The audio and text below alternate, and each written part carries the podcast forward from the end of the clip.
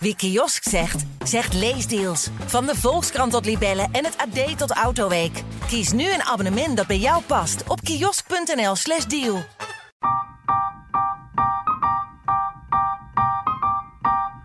Hoer, callgirl, dame van lichte zeden. Er zijn minstens zoveel namen als vragen over het oudste beroep ter wereld. Is betaalde seks ook een vorm van liefde? En hoe is het om als escort te werken? Hoe ziet zo'n avond er eigenlijk uit als je iemand boekt? Daarover praat ik in deze aflevering met een echte expert. Marieke van der Velde runt al jaren haar eigen escortbedrijf en kan ons als geen ander de serieuze en sappige details van de business vertellen. De meest voorkomende vraag uh, is dan toch, uh, uh, ja, en zijn het dan niet allemaal hele vieze mannen? Alsof iedere cliënt een, een, een, een onaantrekkelijke, ja. vervelende man is. Marieke, welkom. Um, straks gaan wij met jou verder praten over de vraag hoe het is om als escort te werken. Maar eerst, jij richtte op je 21ste je eigen bedrijf op, de Society Service een escortbedrijf, zomaar. Ja.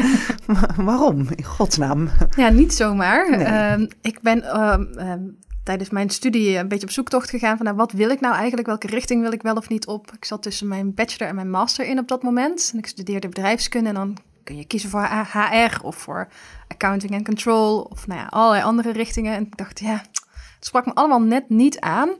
En uh, omdat ik niet goed wist wat ik wilde, ben ik stages gaan lopen. Mm. Dat is niet heel gebruikelijk bij een universitaire studie, maar ik heb daar toch voor gekozen. En het was een goede les, want ik heb daar vooral geleerd dat ik eigenlijk gewoon een hele slechte werknemer ben. Dus toen begon een beetje het idee te dagen van, oké, okay, misschien moet ik dan richting het ondernemen gaan kijken. Maar ja, dan is natuurlijk de volgende vraag, is, ja, waarin? En toen kwam ik met stom toeval iemand tegen die het idee had om een high-class high escort service op te richten.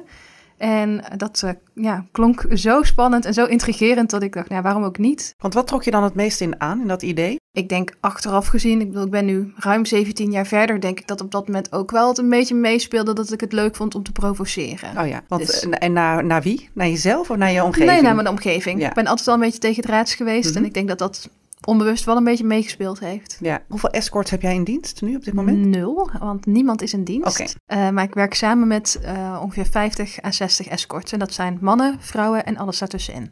Oké, okay, dus uh, en heb, zie je daar een verschil in in de afgelopen tijd dat er iets dat je andere mensen hebt aangetrokken? Of, of is het altijd dezelfde, evenveel mannen als vrouwen geweest? Nee, het zijn van oudsher altijd alleen maar dames geweest. Mm -hmm. En ik heb daar een aantal jaar geleden een gigolo-afdeling aan toegevoegd. Dus uh, ik werk met ongeveer 15 gigolo's op ieder moment. En um, sinds vorig jaar hebben wij ook een transgender escort. Okay. En daar komt binnenkort een tweede transgender escort hopelijk bij. En um, uh, ook een, ja, zo, een soort van nieuwe markt die ik uh, probeer aan te boren is mm -hmm. de gay escort markt. Dus we hebben nu twee hele leuke gay escorts. Wat leuk. En komt, en komt dat omdat er een vraag naar is of omdat jij zelf denkt, hé, hey, dat, dat moet ik gaan onderzoeken? Allebei. Mm. Het wordt wel getriggerd altijd door vraag. Dus dat cliënten bellen en vragen van, hé, hey, kan een van de heren misschien ook een heer bezoeken? Of als het een, gaat om een koppel, dat ze vragen van, goh, is, dan ook een, is er ook interactie tussen de twee heren mogelijk? Ja. En als ik nee moet verkopen op iets waarvan ik liever ja zou verkopen, dan ga ik kijken hoe kan ik dat veranderen. Ja. Kijk, ik moet natuurlijk heel vaak nee verkopen, want mensen vragen wel eens dingen aan me dat ik denk, nou, dat, dat, dat wil ik niet bemiddelen of dat, dat is niet wat we aanbieden. Oh, noem eens een voorbeeld. Ik ben heel, heel benieuwd nu. Nou, mensen die alleen maar op zoek zijn naar een puur erotische ervaring, die zijn gewoon niet aan het goede adres bij mij. En dan bedoel je bij gewoon seks alleen? Ja, die alleen maar seks willen mm -hmm. en die, die en misschien wel het tarief hebben of ja, bedrag beschikbaar hebben wat, wat de tarieven zijn bij ons. Uh, en er ook bereid zijn om dat bedrag daarvoor voor uit te geven. Dat wil niet zeggen dat je bij ons aan het goede adres bent. Het nee. gaat echt om een bijzondere ervaring. En, uh, en ook de escorts waarmee ik samenwerk, die verwachten dat een cliënt daar ook naar op zoek is. Die, die willen niet bemiddeld worden voor een cliënt die alleen maar erotiek wil. En wat, is dan de, wat, zijn, dan de, de wat zijn dan de maatstaven? Ik bedoel, wanneer is in iets een bijzondere ervaring? Dat is een beetje wat je er zelf van maakt, mm -hmm. denk ik. Maar ik denk dat het start met de insteek dat je uh, een leuke tijd wil hebben met iemand waarbij je niet alleen een fysieke connectie maakt, maar ook een mentale connectie. Ja, ja. Um, en zo meteen gaan we nog verder praten over hoe het is om, als, hè, als, hè, om dat beroep te eigenlijk te doen. Maar ik wil heel even terug naar jou. Wat, want ja, jij startte deze onderneming. Um, wilde je dit als kind ook? Nee, nee. nee. Ik, uh, vroeger op de basisschool wilde ik minister-president worden. Nou. Dus toen ben ik... Uh, bijna hetzelfde. Bijna, ja, ander imperium, maar goed. Hey, en, en jouw familie en vrienden, wat vonden die van, van de beslissing die jij nam om een escort service te beginnen? Ja, daar was natuurlijk niet iedereen even enthousiast over. Ik heb nooit om toestemming gevraagd. Ik heb het gewoon gedaan. Mhm. Ja, dat is ook wel een beetje hoe ik erin stond. Mhm. En ik, mijn ouders die maakten zich vooral zorgen over... Hè, wat gaat het dan betekenen voor je toekomst? Want ik studeerde aan de Erasmus Universiteit. Eh, ik deed dat met een bepaald doel voor ogen en dat ja, werd toen wel wat anders. Mhm. Eh, dus ik heb natuurlijk plechtig moeten beloven dat ik mijn studie af ging maken. Dat heb ik ook gedaan. Ehm, en eh, ook wel eh, besloten op dat moment om eh, me niet in de media te uiten, zeg maar, over mijn keuze. In het begin heb ik dat niet gedaan. Naarmate de tijd vorderde natuurlijk wel. Maar in het begin niet, ook om die opties een beetje open te houden met het oog op de toekomst. Ja, en in vriendschappen, ja, er zijn mensen die daar niet zo blij mee waren. Die dus ook het niet los konden zien van wat je doet en wie je bent. Nee. En die zo'n eh, antipathie hebben ten opzichte van sekswerk, dat zij eh, de vriendschap beëindigd hebben. Oh ja. Dat gebeurde ook, ja. Wat deed dat met jou? Ja, ik vond dat heel pijnlijk. Ja, maar van de andere kant gaf het me ook alweer kracht dat ik dacht, ik ga bewijzen dat het ook anders kan. Mhm. Ja, had je dat anders aan kunnen pakken, denk je? Och, er zijn zoveel dingen die ik achteraf gezien anders had willen doen. Ja, wat dan? Wat, had je, wat zou je je zongen, tegen je jongeren zelf willen zeggen? Maak je niet zo druk. Ja, heel cliché, maar ik vond het toch, op- in, zeker toen ik jonger was, wel belangrijk wat mensen van me vonden. En eh, eh, nou, dan lees je wel eens comments online onder artikelen die, dan, eh, die er zijn. Ja, daar word je niet zo blij van. En dat deed me dan wel wat. Mhm. En ja, dat moet je, ik heb dat wel geleerd om dat los te laten en te denken, nou ja, weet je, als jij iets vindt van mij, of als je mij niet aardig vindt, of als jij mijn beroepskeuze stom vindt, ja, dan is dat vooral jouw probleem. Ja, precies. Ik ga daar niet meer mijn probleem van maken. problem. Ja. En want je bent nu, eh, je bent dus nu 17 jaar, zei je? Eh, ja, ruim 17 Wauw. jaar. En, en nou, jouw familie, is- zijn die anders naar jou gaan kijken, naar de business die je, die je hebt? Ja, wel wat. Hmm. Omdat ze zien hoe ik het doe. En eh, mijn, eh, eh, mijn ouders en mijn, mijn broers die hebben ook kennis gemaakt met de mensen waarmee ik samenwerk. Want we doen wel eens fotoshoots bij mijn ouders in de tuin. Oh, echt? Die hebben een hele mooie tuin. Dus, en daardoor zien ze ook hoe het contact is en wat voor dames en heren ik mee samenwerk. En dat heeft hun beeld wel positief beïnvloed. Maar ik, ehm, ik denk dat ze achteraf gezien, dat ze nog steeds denken, had ze maar wat anders gedaan. Oh ja? Maar ze zijn wel super trots op, me, op mijn kwaliteit als ondernemer. Dat is dan toch jammer. Want ja, je, je, bent, ja, je hebt echt iets neer willen zetten. En dan, en dan is, heb je toch een beetje het gevoel dat, het, ja, dat ze toch iets anders hadden ge- gegund. Maar ook daarbij geldt dat dat niet mijn probleem Nee. is. Dat klinkt heel lullig, omdat het dan om iemand gaat die heel dicht bij je staat. Maar dat is wel ik erin sta. Ja. En wat, wat je net vertelde over ehm, eh, klanten kunnen bellen, maar ehm, ja, dus niet alleen maar voor een, een seks experience. Had jij voor, oh, toen jij begon met deze business, dacht jij, oh zo wil ik het doen, want daar is nog een gat in de markt en, en, en daar moet ik inspringen? Nee, want eh, op dat moment wa- waren er maar een paar spelers in de markt. En daarvan dacht ik, ja, jullie. Ja, er was heel weinig online te vinden. Websites en uitgebreide websites waren toen ook nog niet echt de norm. Ehm, dus ik zag daar wel een kans in. En ik vond vooral het, de, de uitdaging, omdat iedereen zo krampachtig doet over het onderwerp, dat ik dacht, maar dat hoeft niet zo te zijn. Je kan ook in deze branche ondernemen alsof het ieder ander beroep was geweest. Mhm. En maakt het uit dat jij een vrouw bent hierin? Ja. Want? Ehm, ik denk dat mensen van nature ehm, eerder vertrouwen op een dame die hierin bemiddelt dan op een heer die hierin bemiddelt. En dan met name het oogpunt van de escort. Dus als iemand met mij samenwerkt, hoor ik heel vaak: ik ben blij dat het team voor, wat, wat de boekingen regelt bestaat uit dames. Oh ja, want, want wat zou dan anders zijn? Ja, misschien dat mensen bang zijn dat een man niet voorbij het seksuele kan kijken of te Ah, veel ja. met het oog op erotiek of schoonheid bemiddelt. En dat bij een vrouw het meer op een gevoelsmatige manier gaat, terwijl Mhm. ik als persoon super praktisch ben. Oh ja, Ja, je bent eigenlijk een beetje een man. Ja, van, van binnen misschien wel. Ehm, ja, is deze business nou echt zo shady als wij denken? Daarover gaan we het zo meteen eh, verder uit, uitgebreid hebben. Maar eerst heb ik voor jou De luisteraarsvraag. Hier komt hij, de luisteraarsvraag is... Ik zie op tv tv-series van high-class escort girls voorbij komen... met een ongelooflijk glamorous leven. Klopt dit beeld? Tot op zekere hoogte wel. Het is eh, alles wat je op televisie ziet, en dit is daarin geen uitzondering, is geromantiseerd Mhm. en gedramatiseerd. Eh, en dat is ook logisch, want ik denk als, eh, als men met een camera een hele boeking zou volgen, dan zou dat belangen na niet zo interessant zijn als mensen denken. Het is echt niet een opeenschakeling van smeuïge, juicy momenten. En het is ook niet zo dat iedere boeking een privéjet en een privé-eiland omvatten, maar het kan wel. Mhm. Uh, alleen dat gebeurt niet altijd. Jij hing net met iemand op en, en je vertelde dat iemand in een eigen privé-sauna is geweest. Dat vind ik best wel glamorous. Is dat iets wat normaal is? Ja, dat is heel normaal. Oh ja. Maar een privé wellness is vergelijkbaar met een hotel, uh, Oké. een wat luxere hotelkamer, alleen dan met wellnessfaciliteiten. Dus eigenlijk, eh, het heeft natuurlijk gewoon beide kanten, zeg je. Hè? Dus het is, Ja. het is glamorous, maar het heeft, het heeft ook een, een, een minder leuke kant. Kan je die minder leuke kant ook beschrijven? Ik weet niet of, of het minder glamour gedeelte of dat de minder leuke kant is. Mm. Het minder glamour gedeelte is dat je ook wel eens boekingen hebt van twee uurtjes gewoon overdag ergens in een doodnormaal hotel, waarbij je een half uurtje of een uurtje kennis maakt met iemand, daarna een passioneel uurtje hebt met elkaar en dan weer afscheid neemt. Oké. En dat, dat is ook onderdeel van werk als escort. Net als dat het ook onderdeel is dat je met elkaar uitgebreid gaat dineren in een chic restaurant. eh, de sterren van de hemel vrijt. En de volgende ochtend ontbijt in bed in je mooie suite. Dat hoort er ook bij. Ja. En alles daartussenin. En misschien nog wel iets beter. Want voor mijn beeld, want jij, jij vertelde net van ja, het moet, het moet wel een soort beleving zijn. Het kan niet alleen maar om seks gaan, maar, maar in principe kan je dus ook wel iemand in een hotelkamer treffen voor een uurtje of twee. Ja, dat kan. Oké. Ja. En want eh, dat, wat, is dan de, wat is daar dan de, de bijzondere beleving aan? Ik denk dat die beleving wel minder bijzonder is Ja, dan ja. die hele avond uit. Mhm. Ehm, ik denk dat het verschil dan nog steeds is en blijft dat het niet begint met erotiek. En dat, de, dat het is altijd de bedoeling dat mensen kennis maken met elkaar, een bepaalde sfeer opbouwen, een bepaalde stemming opbouwen. En ook, ook al is dat minder makkelijk in een paar uurtjes, het kan wel. En het is niet zo plat en niet alleen maar op seks gericht als men vaak denkt dat bij dat soort boekingen het geval is. Ook in een half uur of in een uur kun je best een leuke klik krijgen met iemand. Mhm.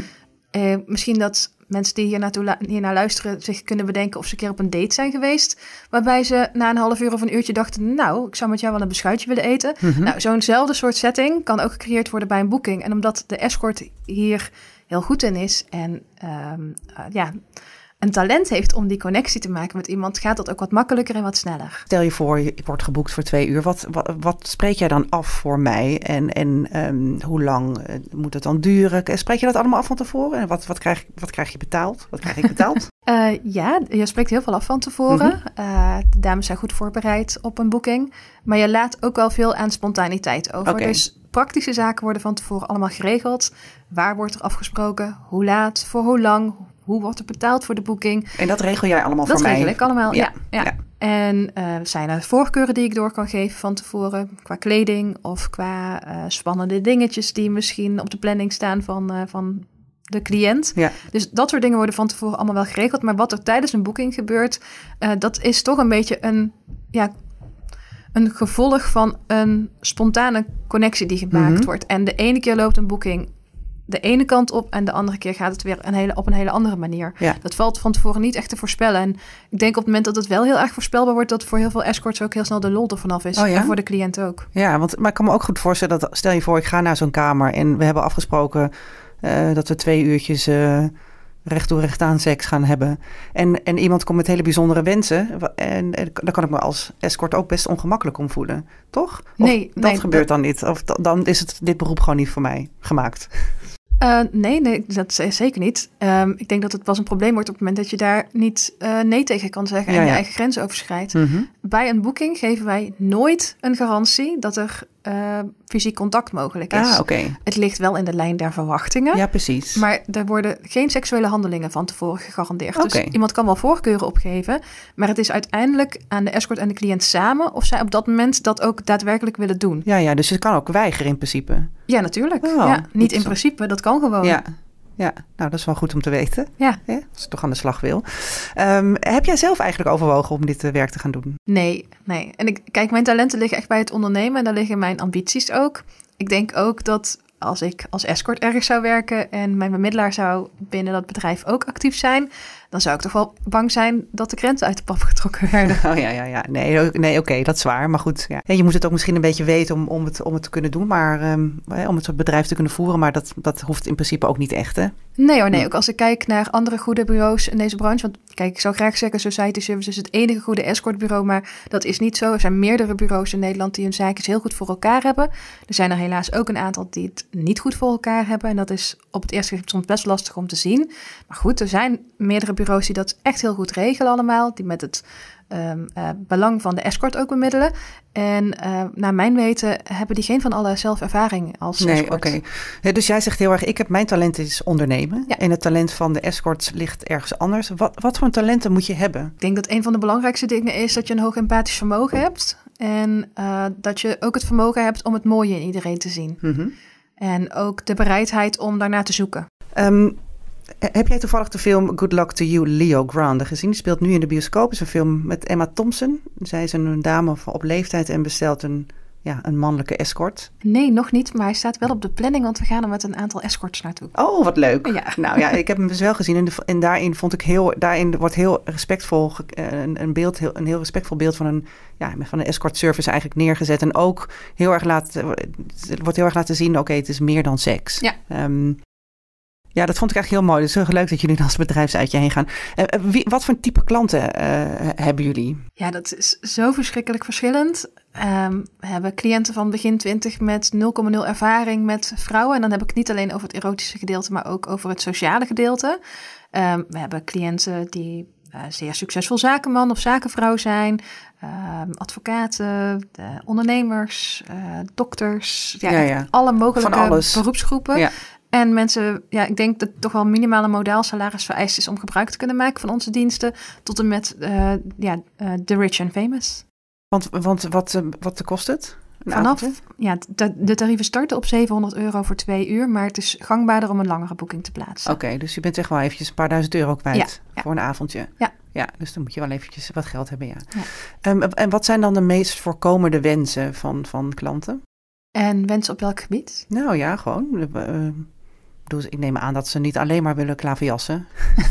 nee, sterker nog, dat, ik heb nog nooit gehoord dat iemand wilde klaverjassen. Dat is ook leuk, hè?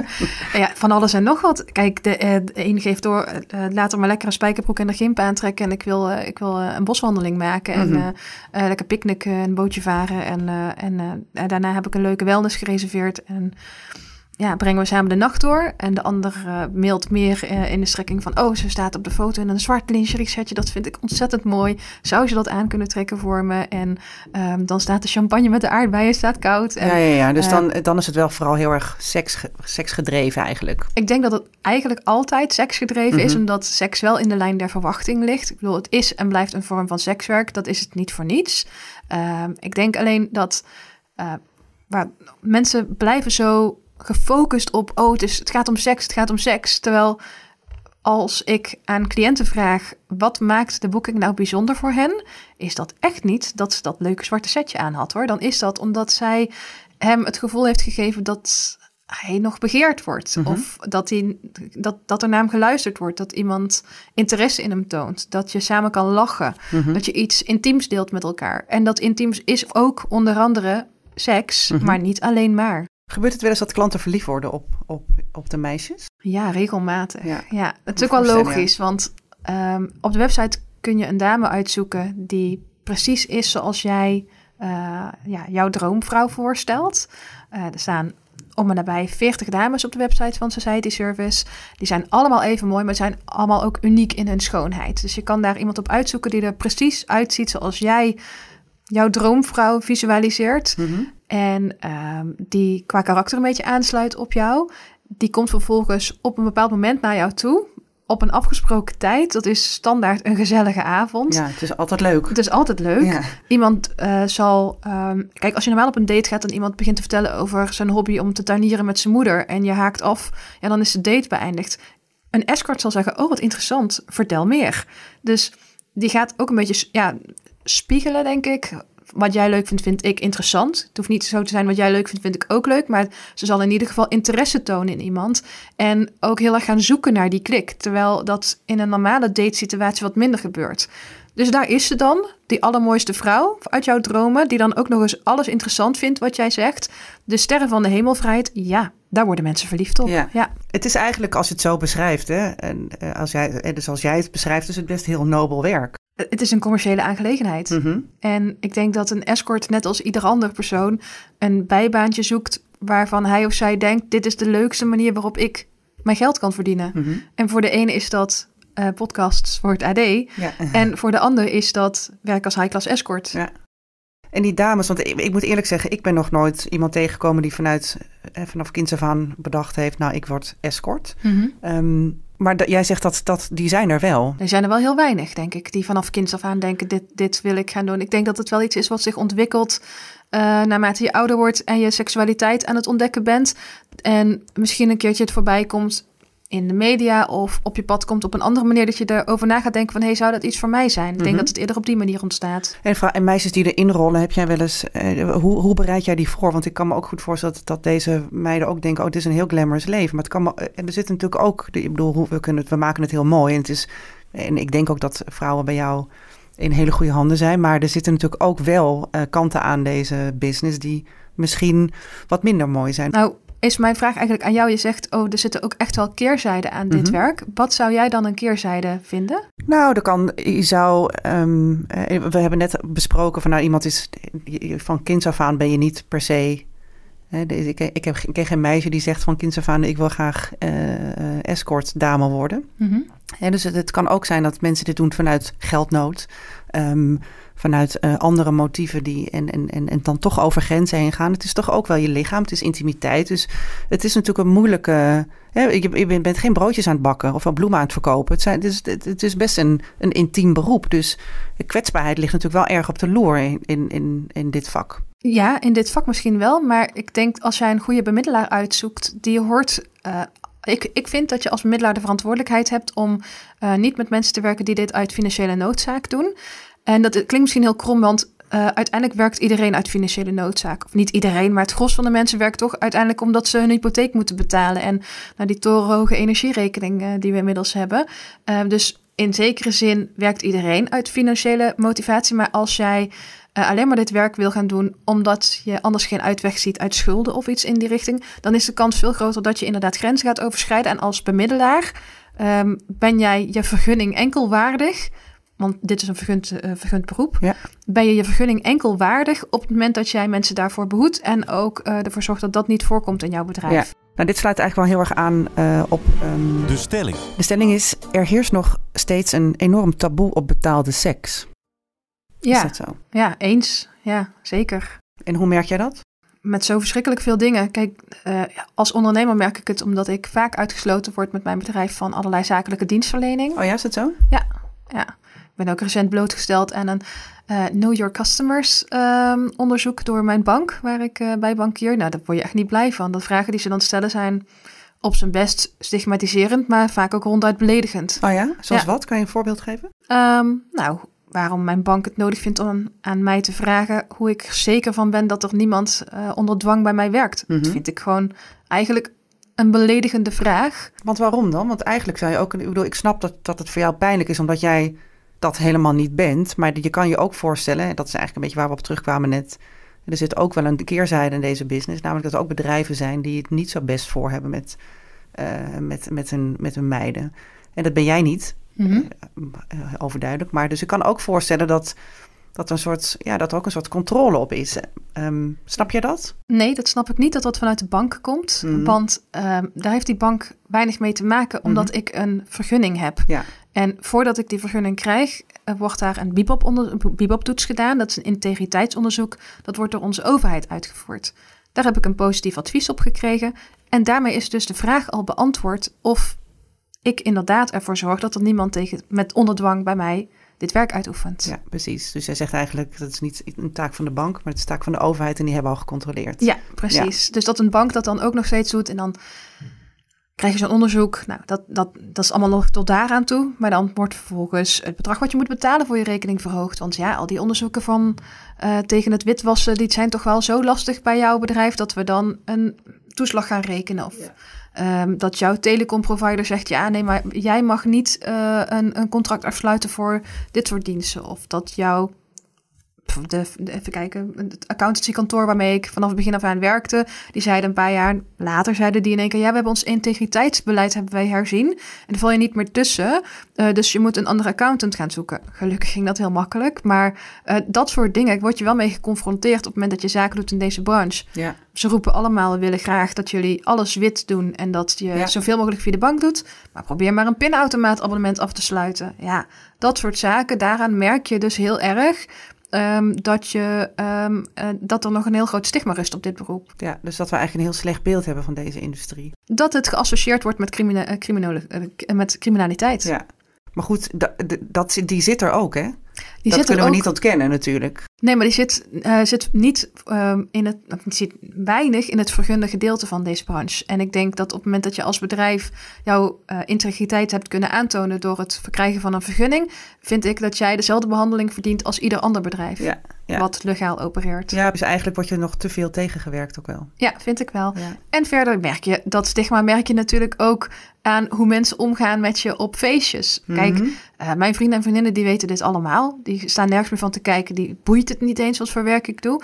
Maar als ik uh, ergens kom en uh, mensen kennen mij niet, als ik dan vertel dat ik een escortbureau run, dan als mensen aan het begin van de avond vragen aan me stellen, dan gaat het nog wel. Maar hoe meer de alcohol vloeit, ja, ja. hoe ongenuanceerder de vragen ook wel eens worden. En dan denk ik wel eens, jongens, zeg, kom op. Ja, wat voor vragen krijg je allemaal? Ja, en de, uh, de meest voorkomende vraag is dan toch, uh, ja, en zijn het dan niet allemaal hele vieze mannen?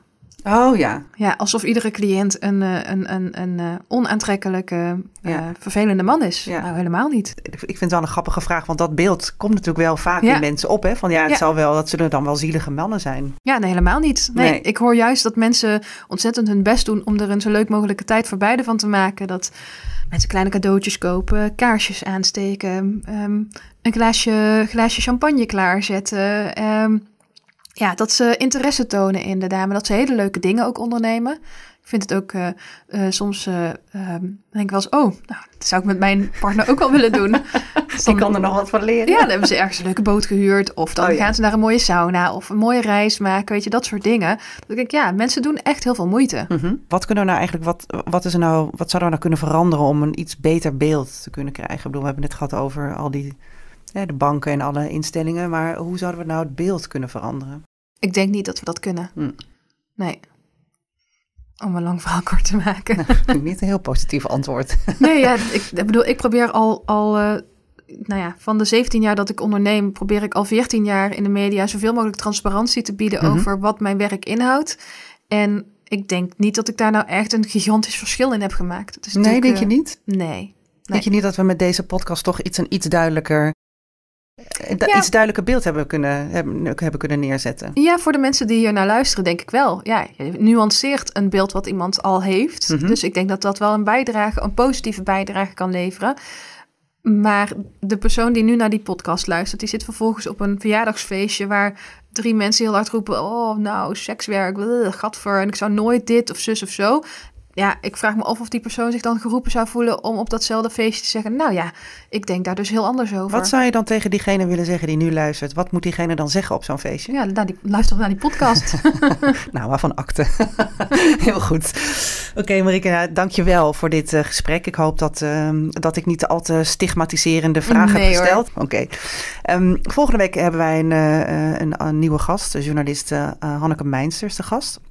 En ik ga met haar hebben over het uit de kast komen op latere leeftijd. Um, heel interessant verhaal. Uh, heb jij een vraag aan haar? Ik ben wel benieuwd of zij uh, ziet dat dat veranderd is in de afgelopen jaren. Omdat we natuurlijk nu wel in een generatie zitten waarin uh, het niet meer vanzelfsprekend is dat je je identificeert als man of vrouw of als hetero per definitie. Dat dat, dat al gebruikelijker aan het worden is en dat dat veranderd is. Of zij dan ook ziet dat uit de kast komen op latere leeftijd daardoor makkelijker is geworden. Ja, ja, ja. Oké. Ik ga het, ik, het is genoteerd. Ik ga het aan haar vragen. Volgende week luisteren. Leuk dat je luisterde naar Over de Liefde.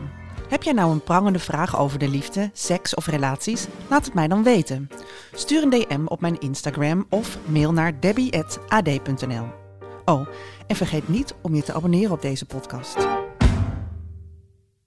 Wie kiosk zegt, zegt leesdeals. Van de Volkskrant tot Libellen en het AD tot Autoweek. Kies nu een abonnement dat bij jou past op kiosk.nl/slash deal.